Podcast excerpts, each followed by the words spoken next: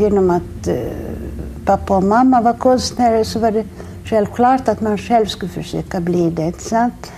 Vad skulle man ha gjort ifall de hade varit till exempel eh, hattmakare?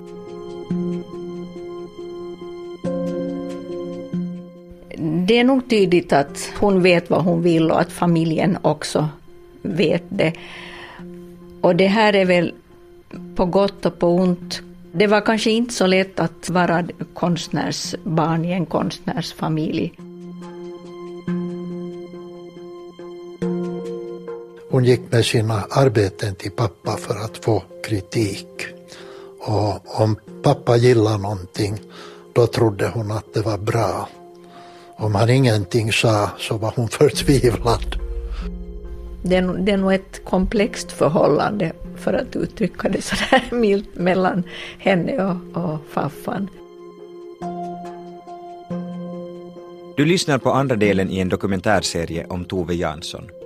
I det här avsnittet följer vi Toves första steg på konstnärsbanan och den svåra relationen till pappan. Älskad förebild och samtidigt kanske den person som hon har allra svårast att komma överens med. Penseln, pennan och hjärtat. En dokumentärserie om Tove Jansson. Avsnitt 2. Ett konstnärsfrö gror.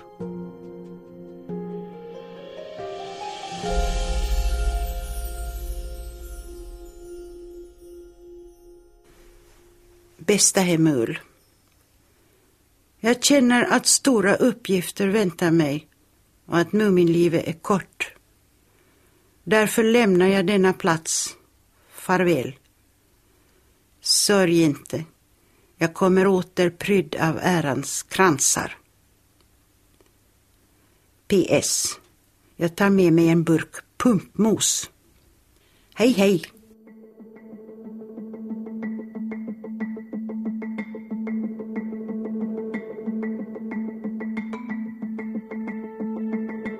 Sen på hösten så kunde han, visste att vi var rädda för mörkret. Men vi gick med ficklampa in i skogen och hämtade hem svampkorgarna. Och det var alldeles underbart.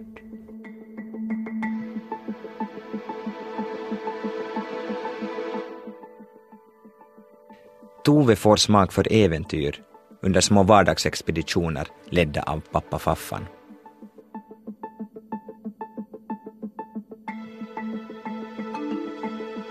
Om det var en eldsvåda i stan så väckte han oss mitt i natten och man sprang dit för att titta på eldsvådan. Och på det sättet förstår du så, så har kanske den här katastrofidén blivit något, något positivt för mig.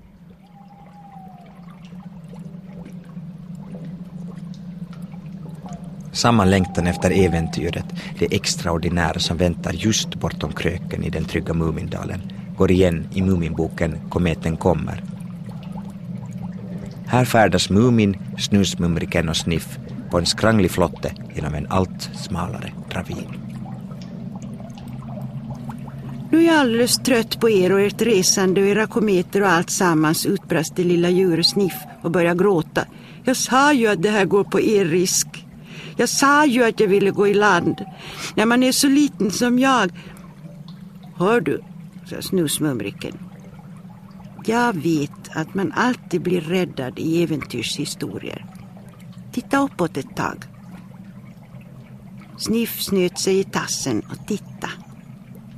Han såg en lodrät rämna i berget och högt där uppe en strimma grå himmel. Men sen då, sa han. Jag är ingen fluga. Om jag var en fluga skulle det inte hjälpa mig ändå.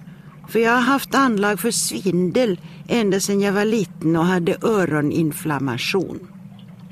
Och så grät han igen. Då tog snusmumriken fram sin munharmonika och började spela. Han spelar vissan om äventyr som inte är lagom stora utan alldeles kolossala och refrängen handlar om räddningar och överraskningar i största allmänhet.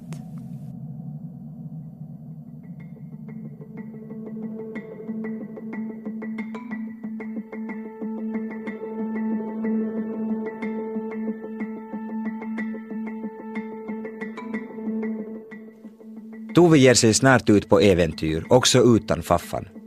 Och med tiden ska hon bli allt mer egensinnig i förhållande till honom sin barndoms vardagshjälte. Jag klättrade omkring på hustak om nätterna. Det var en, när man var 15-16, jag tror inte alls det är ovanligt. Vet du. Och jag, jag hade rep med mig och, och, och satte fast dem i skorstenar och, och så firade jag mig ner och, och tittade in genom folks fönster.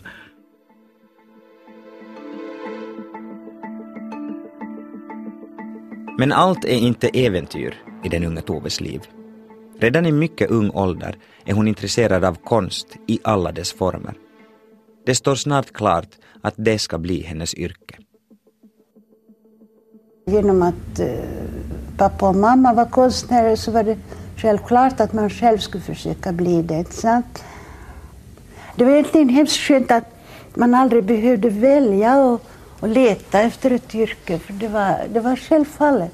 Och jag vet, ibland har jag tänkt att, att, att vad skulle man ha gjort ifall de hade varit till exempel hattmakare eller cirkusartist.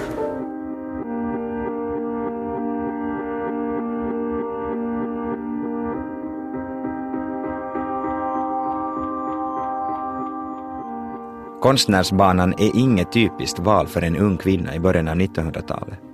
Så här låter det i en tidningsannons från Toves födelsedag år 1914 där en yrkesskola för flickor söker nya elever. Skolans praktiska undervisning är fördelad på tre yrkeskurser. Linnessömnad, klädningssömnad och matlagning. Tove börjar tidigt teckna tillsammans med mamma Ham som jobbar som illustratör, berättar Toves bror Per-Olof Jansson. Jag har ett foto där hon kanske är fem, sex år gammal och står vid Hams ritbord och ser på när Ham tecknar.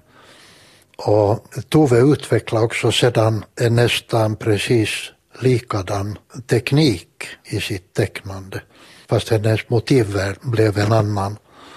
Och hennes relation till pappa var igen den att han var den stora konstnären som kunde säga om hennes arbeten var bra eller inte.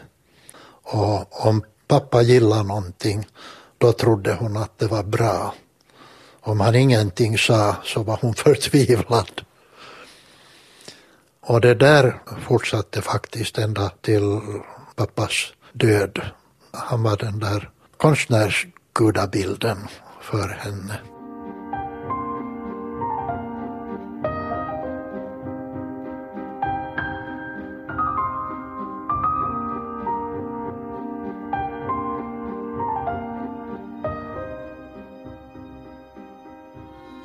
Faffan är också en auktoritet som Tove måste slå sig fri från, då de allt oftare råkar i gräl ju äldre hon blir. Tove får ett starkt stöd hemifrån, men det är inte alltid lätt att gå i sina föräldrars fotspår, säger Helene Svensson som är Toves förläggare och vän. Det är nog tydligt att hon vet vad hon vill och att familjen också vet det. Och det här är väl, tycker jag, lite på gott och på ont det är klart hon är begåvad och, och hon får ju stöd och hon vill. Men samtidigt eh, finns det ju förväntningar hela tiden då också. Och det här, det här tycker jag att, att man ser att det småningom också ger upphov till, till en del problem. Att ambitionen och förväntningarna hindrar henne att, att riktigt kanske ta ut svängarna så det var kanske inte så lätt att ändå då vara konstnärsbarn i en konstnärsfamilj.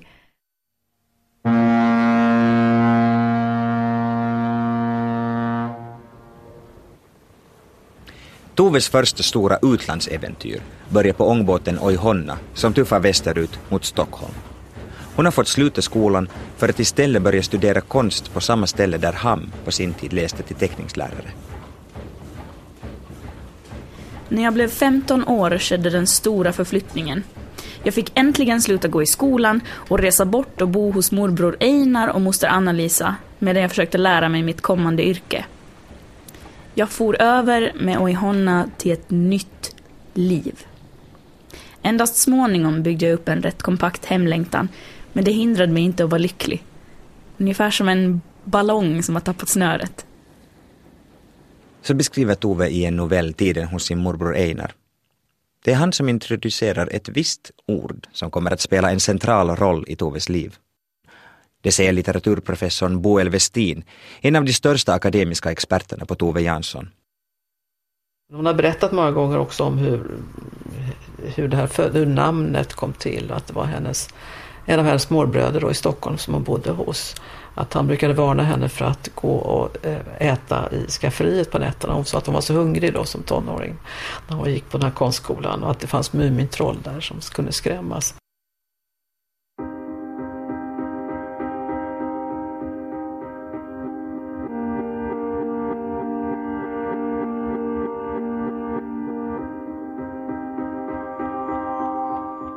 När Tove kommer hem från Stockholm börjar hon på Finska konstföreningens ridskola Ateneum. Faffan är glad åt den yrkesbana hon har valt, men trots det ryker han allt oftare ihop med sin numera väldigt egensinniga dotter.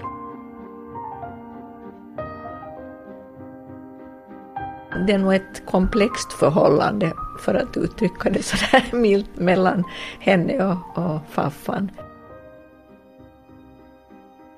Isän hänellä oli hyvin vaikea ja ristiriitainen suhde, erittäin ristiriitainen välillä ja erittäin vaikea ja joskus jopa vihamielinen. Toves förhållande till pappan Faffan är ytterst komplicerat och svårt. Ibland direkt fientligt, berättar konstvetaren Tuula Karjalainen. Den 21-åriga Tove skriver i sin dagbok om hur hon tror att både hon och pappan egentligen vill umgås på ett mindre explosivt sätt. Är det inte konstigt att en far och en dotter går omkring och längtar efter att visa varandra ömhet och inte törs? Toves dagböcker från den här tiden är fulla av anteckningar om gräl med Faffan. Det står återkommande om att det var uppgörelser med Faffan och det ena och det andra hållet, eller krasch med Faffan som hade riktigt eh, stora uppgörelser och riktigt stora, stora bråk. Eh, kring de här politiska meningsskiljaktigheterna som ju var tvärt motsatta mot varandra. Toves brorsdotter Sofia Jansson förklarar.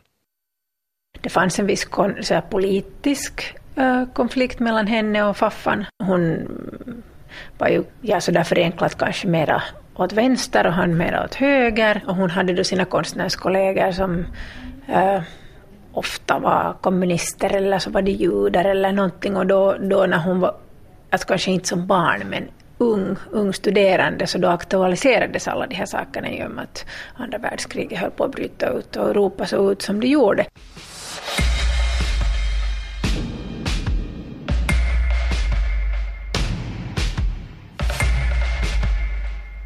De politiska konflikterna mellan far och dotter accentueras i synen på Tyskland, en allt aggressivare aktör i det mellankrigstida Europa.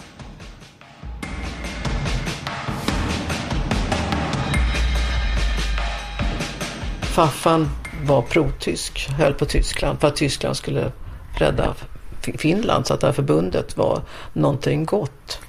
Eh, och han var ju också uppfostrad med den bilden av Tyskland. Så att säga. Det var ju liksom hans Tyskland som skulle så hålla den röda faran borta. Im Namen Deutschlands rufen wir für alle Heil unser Führer! I Tyskland har en viss Adolf Hitler blivit rikskansler år 1933 och piskar upp hårda nationalistiska stämningar. allmählich eine empörende Verbitterung zu verbreiten begann i mitten av 1930-talet besöker Tove flera tyska städer och blir beklämd av vad hon ser. und an die Stelle einer demokratisch lügenhaft verbrennten Volksvergewaltigung die heiligeren Rechte des ewigen folglichen Lebens zu setzen. För Faffan, som stridit med tyska vapenbröder i det finska inbördeskriget, är Toves vänstersinnade idéer ett rött skynke.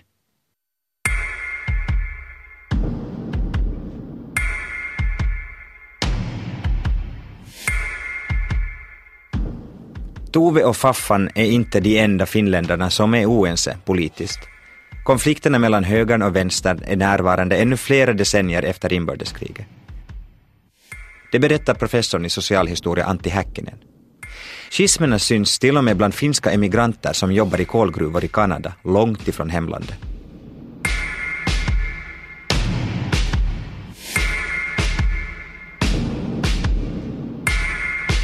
Nämä miehet normaalisti työskenteli metsätyömailla ja savotoilla, niin siellä oli erikseen savotat, joilla oli valkoisia, erikseen savottoja, joissa oli punaisia, ja nämä ei vahingossakaan niin kuin törmänneet toisiinsa. Se, se railo oli erittäin syvä silloin, ja ne kokemukset, ne oli katkeria, syvälle meneviä,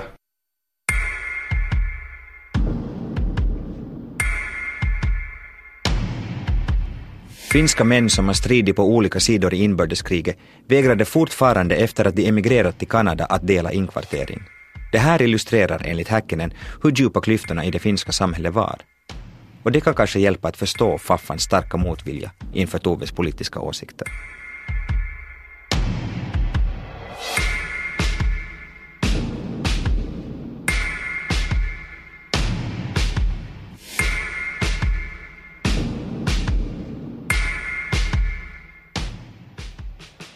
Också vissa av dotterns pojkvänner är en källa till irritation hos Faffan, säger Bo Elvestin. De här männen de representerar säga, olika idéer eller representerar någonting som Faffan avskydde eller som han var fullständigt emot. Så att man kan också, jag vet inte vad man ska, kan se det som en slags utmaning av hans faders auktoritet. Itse asiassa eh, ainakin kaikki ne, mitkä niin kuin on, on merkittävimpiä olleet ja pitkäaikaisempia, ne on, on niin kuin ihmisinä tavattoman mielenkiintoisia ja nimenomaan kulttuuri-ihmisinä. Tove umgås med de mest fascinerande kulturpersonligheterna av sin tid, menar Tulla Karjalainen. Många av dem träffar hon på konstskolan Ateneum, men själva konststudierna gillar hon inte speciellt mycket och avbryter dem flera gånger. En konservativ lärare anmärker att så här min fröken blir ni aldrig målare. Men de facto har Tove vid det här laget försörjt sig som tecknare och illustratör redan i flera år, berättar konsthistorikern Erik Kruskoff. Så att i mycket tidigt skede, när hon tecknade som barn redan, så, så hade, hade hon som ett slags målsättning att hjälpa mamman att också förtjäna pengar förstås. Så att hon debuterade ju som 16-åring som illustratör. Fick sina första arvoden. I novellen Avslutningsdag beskriver Tove känslan av att för sista gången stänga skolporten bakom sig och inta den helsingforsiska försommarnatten. Jag rände upp på berget. Fåglar började redan pipa här och var och en svag röd ljusning vaknade i öster.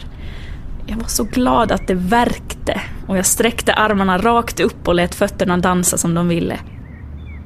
Novellen avslutas med en känsla av oändliga möjligheter. Jag gick alldeles långsamt genom stan med kappan på armen. Det hade börjat blåsa lite grann, en sval morgonvind. Stan var absolut tom. Jag tyckte det var lustigt det där de säger om att det är svårt att vara lycklig. Världen ligger öppen för Tove. Och äventyrlig som hon är, är hon inte sen att ta vara på möjligheterna. På den tiden reste jag ensam. Man, man kunde få ett stipendium och, och, och så gav man sig av. Och, och sen behövde man ju inte äta så mycket. Huvudsaken var att hålla sig kvar där så länge som möjligt. Och man hade ju biljetten hem. Men mot slutet så åt man mest bara bröd och gick till hallarna och hittade grönsaker som de hade slängt bort. Så det klarade sig mycket bra. Redan som 20-åring reser Tove ensam runt, bland annat i Tyskland och Italien. Där det ju var faktiskt ganska ovanligt och ganska modigt av henne att resa omkring som ensam kvinna.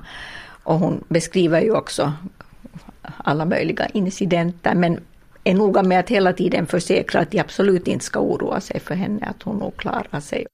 Det säger pensionerade förläggaren Helene Svensson som har gett ut en antologi med Toves brev. Brev där Tove kanske ibland besparar familjen från de mest äventyrliga detaljerna från resorna. Alltså när jag var ung så försökte jag naturligtvis göra mina resor så farliga som möjligt. Klättrar i berg eller ger sig ut i sjön när det är varning för strömmar och hamnkvarter som naturligtvis måste vara så illa beryktade som möjligt. I varje fall hoppades jag att det var det.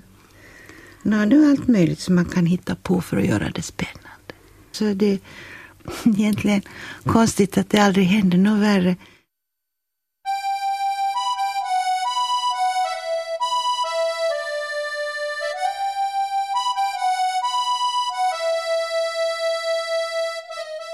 Våren 1938 reser Tove till Paris för att studera konst vid samma konstskola där hennes föräldrar har gått.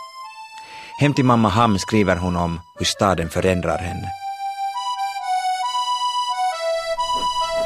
Vet du, Paris är bestämt den riktiga platsen att klubba ner de sista resterna av sitt mindervärdeskomplex. Man måste det helt enkelt för att klara sig. Är man det minsta blyg, undfallande, ursäktande och ängslig känner man sig som en pudel innan kvällen. Men dag från dag känner jag mig säkrare, gladare, lugnare. Och jag vet att jag måste bli fri själv för att kunna bli det i mitt måleri.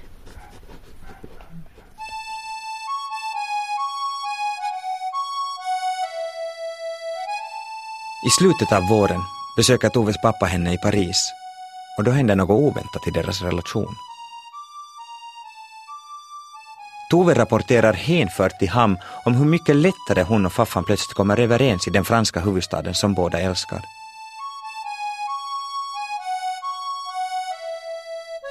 Älskade. Vi sitter, pappa och jag, i mitt hotellrum och dricker Cinzano och äter langust med mina kappsäckar som bord. Det påminner mig om en gång i Italien med Signe, säger pappa. Han är så glad att vara här i Paris att det är en lust att höra och se honom. Tillsammans söker vi upp gamla platser som han minns. Era ateljéer, Kavan och hans, bistråer, gator och alldeles speciella hörn och parker. Och överallt berättar han om det som hände just där och finner oftast miljön oförändrad. Dagarna i Paris ledde till någonting som Tove knappast hade vågat hoppas på. En sorts försoning mellan far och dotter. De är ute och festar på nätterna och hotellpersonalen är förvånat förtjust över att se en pappa och en dotter som har så roligt ihop. Vi är så lyckliga, så nära varandra och vi talar ständigt om dig. Pappa berättar om er första tid här, om hur han älskar dig, oss alla. Allt som har varit ouppklarat, som legat och grott talar vi om och säger varandra att vi behövde träffas här ute för att komma varandra nära. Give Gud att det blir så också där hemma. Det kommer en dag när Toves och faffans förhållande kraschar så till den grad att Tove ser sig tvungen att flytta ut ur familjens ateljélägenhet. Men den dagen ligger ännu i framtiden.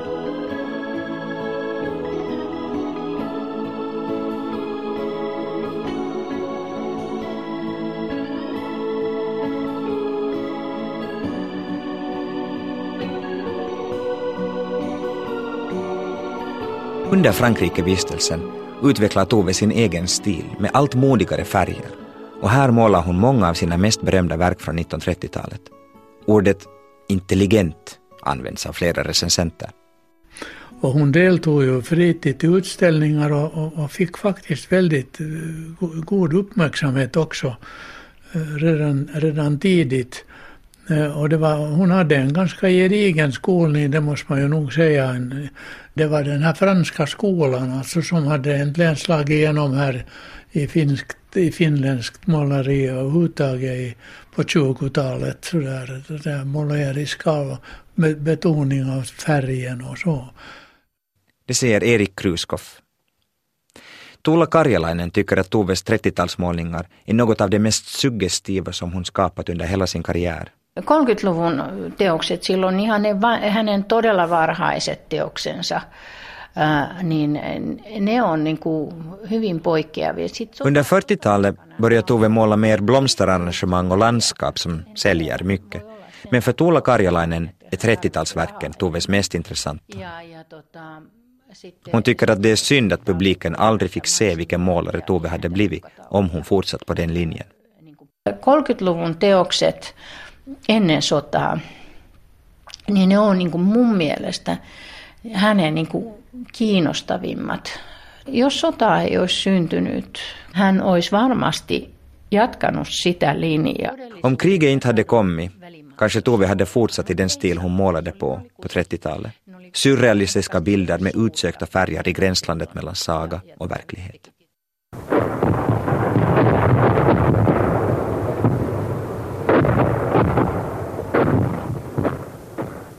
Men Tove får inte måla i lugn och ro. För det blir krig i Europa igen. Först i Centraleuropa, men snart också i Finland. Förmiddagsnyheter från TT. Som redan i ett par extrautsändningar meddelats har Tyskland inlett fientligheterna mot Polen.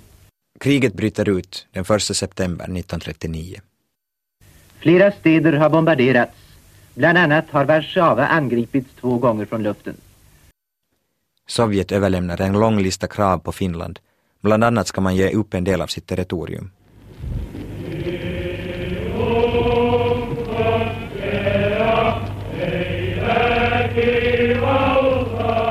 I Toves hemstad Helsingfors stämmer åskådarna upp i sång när minister J.K. Paasikivi stiger på tåget som ska ta honom till Moskva för att förhandla med de sovjetiska ledarna. Nu svänger tågexpeditören sin röda flagga, lokomotivet visslar och det tunga, långa tåget sätter sig långsamt i rörelse. Minister Paasikivi har rest i det självständiga Finlands hittills viktigaste och ansvarsfullaste politiska mission.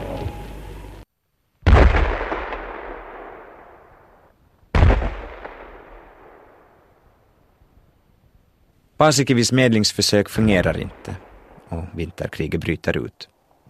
Krigsåren blir en av de tyngsta perioderna i Toves liv då hon tidvis går in i depressioner och får svårt att måla. se satu katos eh, näistä teoksista miltei kokonaan. Se satu ilmeisesti vähän siirtyi sitten siihen muumeihin ja kirjoittamiseen, ähm, mutta paljon, paljon niin kuin oikeastaan hänen kuvataiteensa kärsi siitä. Kriget förändrar Toves målningar. Sagorna och berättelserna försvinner och förflyttas kanske till skrivande. Että hänen uransa varmasti olisi ollut hyvin, hyvin toisenlainen ilman sitä. Ja, ja tota, hän olisi ehkä sitten tehnyt sitä, mitä hän elämässään eniten halusi, eli maalausta enemmän ja toisella lailla.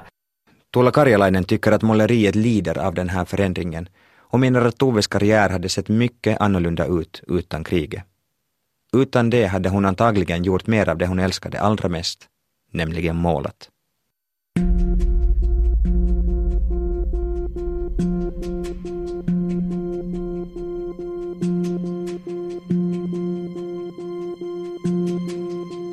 Hur ska Tove konstnärligt överleva de svarta krigsåren som äter upp hennes kreativitet och tar ifrån henne både måleriets glädje och hennes bästa vän?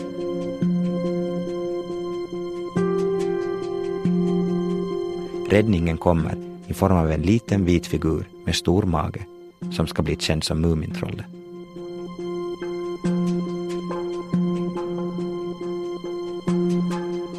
Hur det går till när Tove skapar Muminvärlden får du höra om i nästa avsnitt.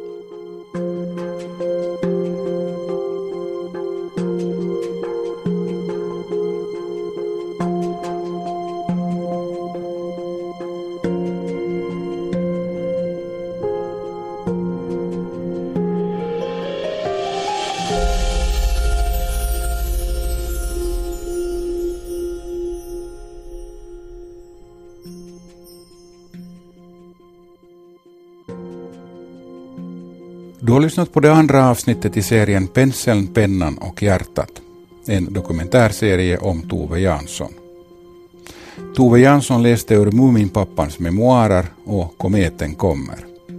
Brev och dagbokscitaten var hämtade ur Helen Svenssons och Boel Westins bok Brev från Tove Jansson samt ur Boel Westins och Tuula Karjalanens biografier över Tove Jansson. Intervjuerna med Tove och Per-Olof Jansson är från Yles arkiv och gjordes av Maj-Lis Quickström, Marianne Bargum, Terttu Levonen och Mi Vegelius. Alla övriga intervjuer var gjorda av Nanette-Marie Forsström och Ira Schröder, som också stod för research, produktion, klipp och regi.